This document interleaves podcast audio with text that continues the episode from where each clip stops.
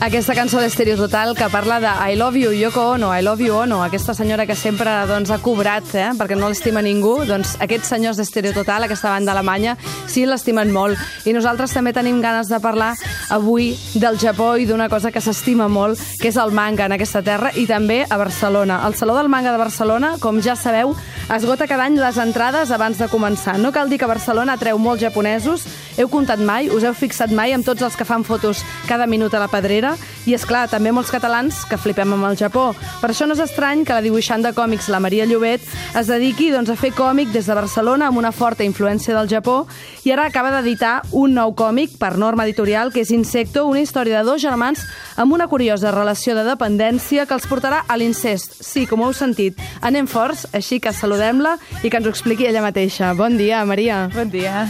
Anem forts, eh? Ja, és que clar, faig aquests titulars i ni, ni Japó ens salvarà d'això. No, no. No sé si d'aquí ve una mica la influència també d'aquests temes tabú, aquests temes contundents que a vegades també tracta el manga, no? Sí, en certa manera és veritat que bueno, les meves influències manga sí que són una mica les de manga no tan comercial, sinó més estranyets, tipus Shintaro Kago o tipus uh, Suekiro Maru, que trob són una mica truculentos. Maria, tu eh, no t'agrada que et diguin que fas manga o com a mínim mm, ets més eh, allò procliu a que et diguin que fas eh, còmic d'aquí però amb forta influència del Japó. Explica'm sí. això. Sí, bueno, és que mm, fer manga literalment eh, és complicat. Aquí, des d'aquí, o sigui, el que significaria manga uh -huh. és, no només és estil gràfic, sinó que és format d'edició, de, de, uh -huh. eh, un munt de coses de la, de la pròpia mercat d'allà, no?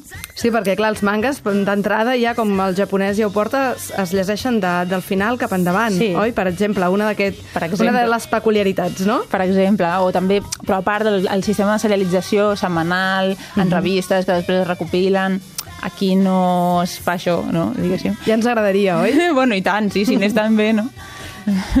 Ets jove, tens 34 anys només i ja portes un munt de còmics a les esquenes, podríem dir, has fet Porcelain, Eros Sique, que a més ha guanyat premis, va guanyar el bronze del, del Saló del Manga d'aquí a Barcelona, Herbit, vaja, premis a nivell també internacional. Escolta, uh, contenta, no? Suposo, sí. per ser que no fas manga, déu nhi no? bueno, fas val que es pot. Uh, per molts que potser ens estan sentint, a ells, el manga, o per, per molta gent, ens vam quedar amb això. A veure si ho reconeixes.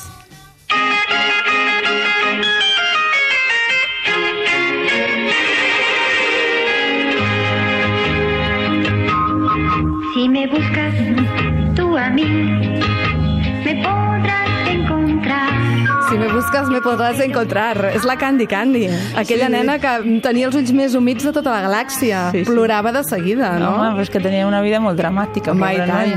Però mm, va ser una mica l'entrada al món manga per tu? Una sèrie no. com uh, Candy Candy? No, o no, de fet... o no va venir? Per mi, món? jo crec que va venir de, de Bola de Drac, com sí? aquí gairebé tothom, no? Uh -huh. O sigui, Bola de Drac, l'Anare, tots els mangas que es feien aquí, uh -huh. i després els, uh, en quant a anime, no? O Ranma i tal. Però en quant a còmic va ser um, Video Gelai, de Masakazu Katsura, quan, bueno, bueno, a part dels programes que feien aquí a TV3, al 33 de manga i Akira uh -huh. i totes les pel·lis que van posar que ens van revolucionar tots, no?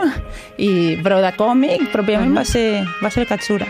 Doncs escolta, l'apuntarem perquè la gent s'hi pugui introduir. Nosaltres aquí encara, ja veus, encara hi ha gent que pensa en Candy Candy. Sí, i en com Heidi...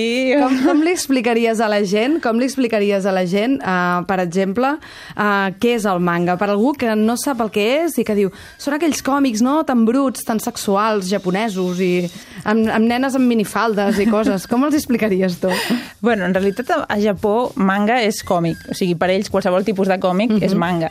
Clar, aquí entenem que és el còmic que ve de Japó.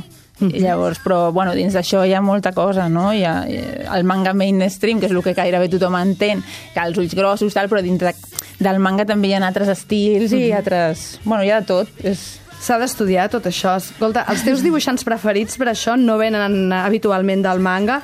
Tenim eh, grans noms, de fet, el Guido Crepax, que és l'autor de Valentina, que si m'ho permets s'assembla una mica a la protagonista de la teva història d'Insecto. Mm -hmm i també em vas dir Frank Miller o el que comentaves abans, el japonès aquest Suehiro Maruo. Sí. Que... Sí, bueno, jo tinc influència en general, no? És veritat que a primera vista, sobretot en, en Insecto, en el que mm. estic fent ara mateix no tant, però en, en el que ja porto publicat sí que es veu d'entrada potser més la influència en manga, mm -hmm. i, però les altres referències doncs, estan una mica més ocultes, però estan però hi són, allà. I són, I tant, la gent sí, les sí. ha de veure. I de fet, els, els, teus, uh, els teus personatges, aquesta parella de germans, tampoc tenen els ulls aquells que estem tan acostumats no. a veure al manga. No, Són no. uns ulls molt més a, a, a lo Valentina, podríem dir, no? Sí, sí. Doncs escolta, ara que parlàvem del senyor Maruo, no ets l'única fan, que ho sàpigues, perquè el compositor John Thor, que és un senyor que ha fet coses increïbles, mm -hmm. de fet, eh, va inspirar tot un àlbum que es diu Naked City, amb els dibuixos eh, del senyor Maruo, i ara, per exemple, sentim aquella cançó que es diu Batman...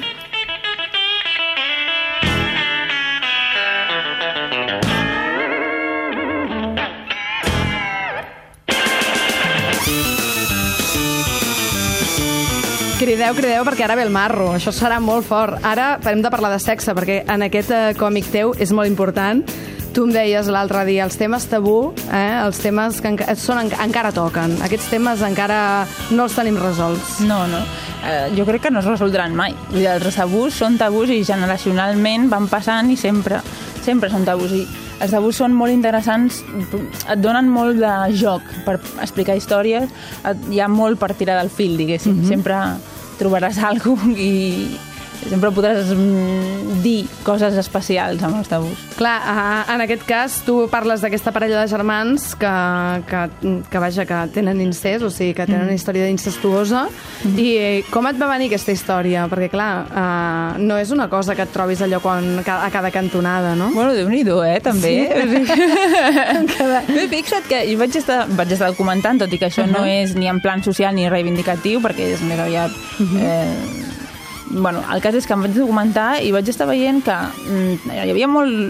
No està gent superat, això, a la, a la societat hi ha molts països on encara està penat, on encara està en presó, uh -huh. vull dir, un munt de coses, i també eh, gent que deia que se, tothom es pensa que no coneix a ningú que hagi patit, no, que hagi tingut aquestes sí. eh, relacions, i que és molt més comú del que sembla i que està per sota, no? I això ai, no ai, ho sabràs mai, no? Escolta, ja tenim el teu còmic d'Insecto per, per descobrir-ho. Uh, per cert, que tu també dius que moltes vegades per, per tu una de les influències principals no només és el còmic, és el cine, sí. i si algú també ha fet històries truculentes i bèsties és per Chang-wook, que és un home que t'encanta. M'encanta totalment, sí, sí. Doncs mira, ara sentirem aquest tràiler d'aquesta pel·lícula que està passant aquests dies, La Mademoiselle, mm -hmm. que s'ha pogut veure fa res, allò, una setmana sí. a, a Cannes, i que té aquesta música també, tan prometedora.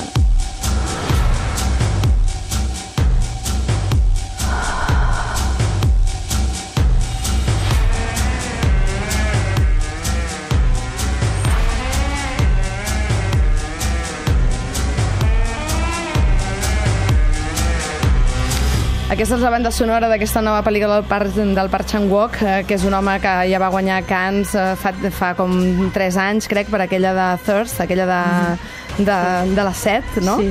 O sigui que és un home que ja és un habitual, però que, veja, que és curiós això, les referències també, en aquest cas, al cine coreà, no? Que sí. també el portes... I suposo que potser Insecto podríem trobar alguna d'aquest món mm, per Chan-wook, no? Sí, algú sí, sí, en tot el que faig hi ha un toque així lúgubre, no?, una mica. jo tinc unes ganes de veure aquesta pel·li nova que, vamos, té una bona pinta. A mi el que em flipa totalment és que m'està parlant de coses truculentes i fortes i no sé què, però es veu, oients, que aquesta dona ha escrit i ha dibuixat Insecto amb aquesta música tan celestial, la de mames and de papes. Sí, sí, California Dreaming. És fortíssim, això.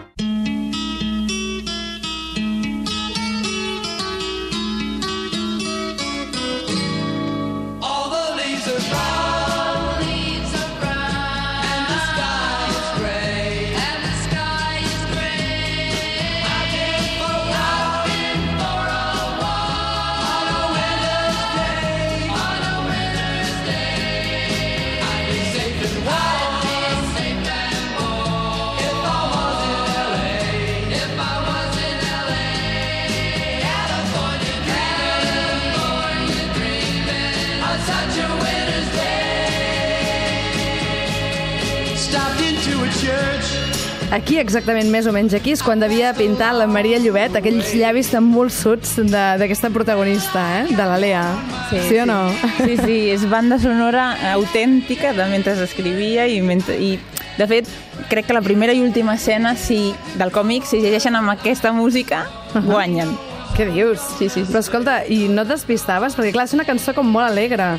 I aquesta història no és que no, és que no sigui alegre, perquè hi ha moments d'intensitat, podríem dir, però però és fosqueta, sí. eh? Sí, però tampoc em sembla tan alegre la cançó, em sembla com molt evocadora. Mm, d'acord. Aleshores, encaixa.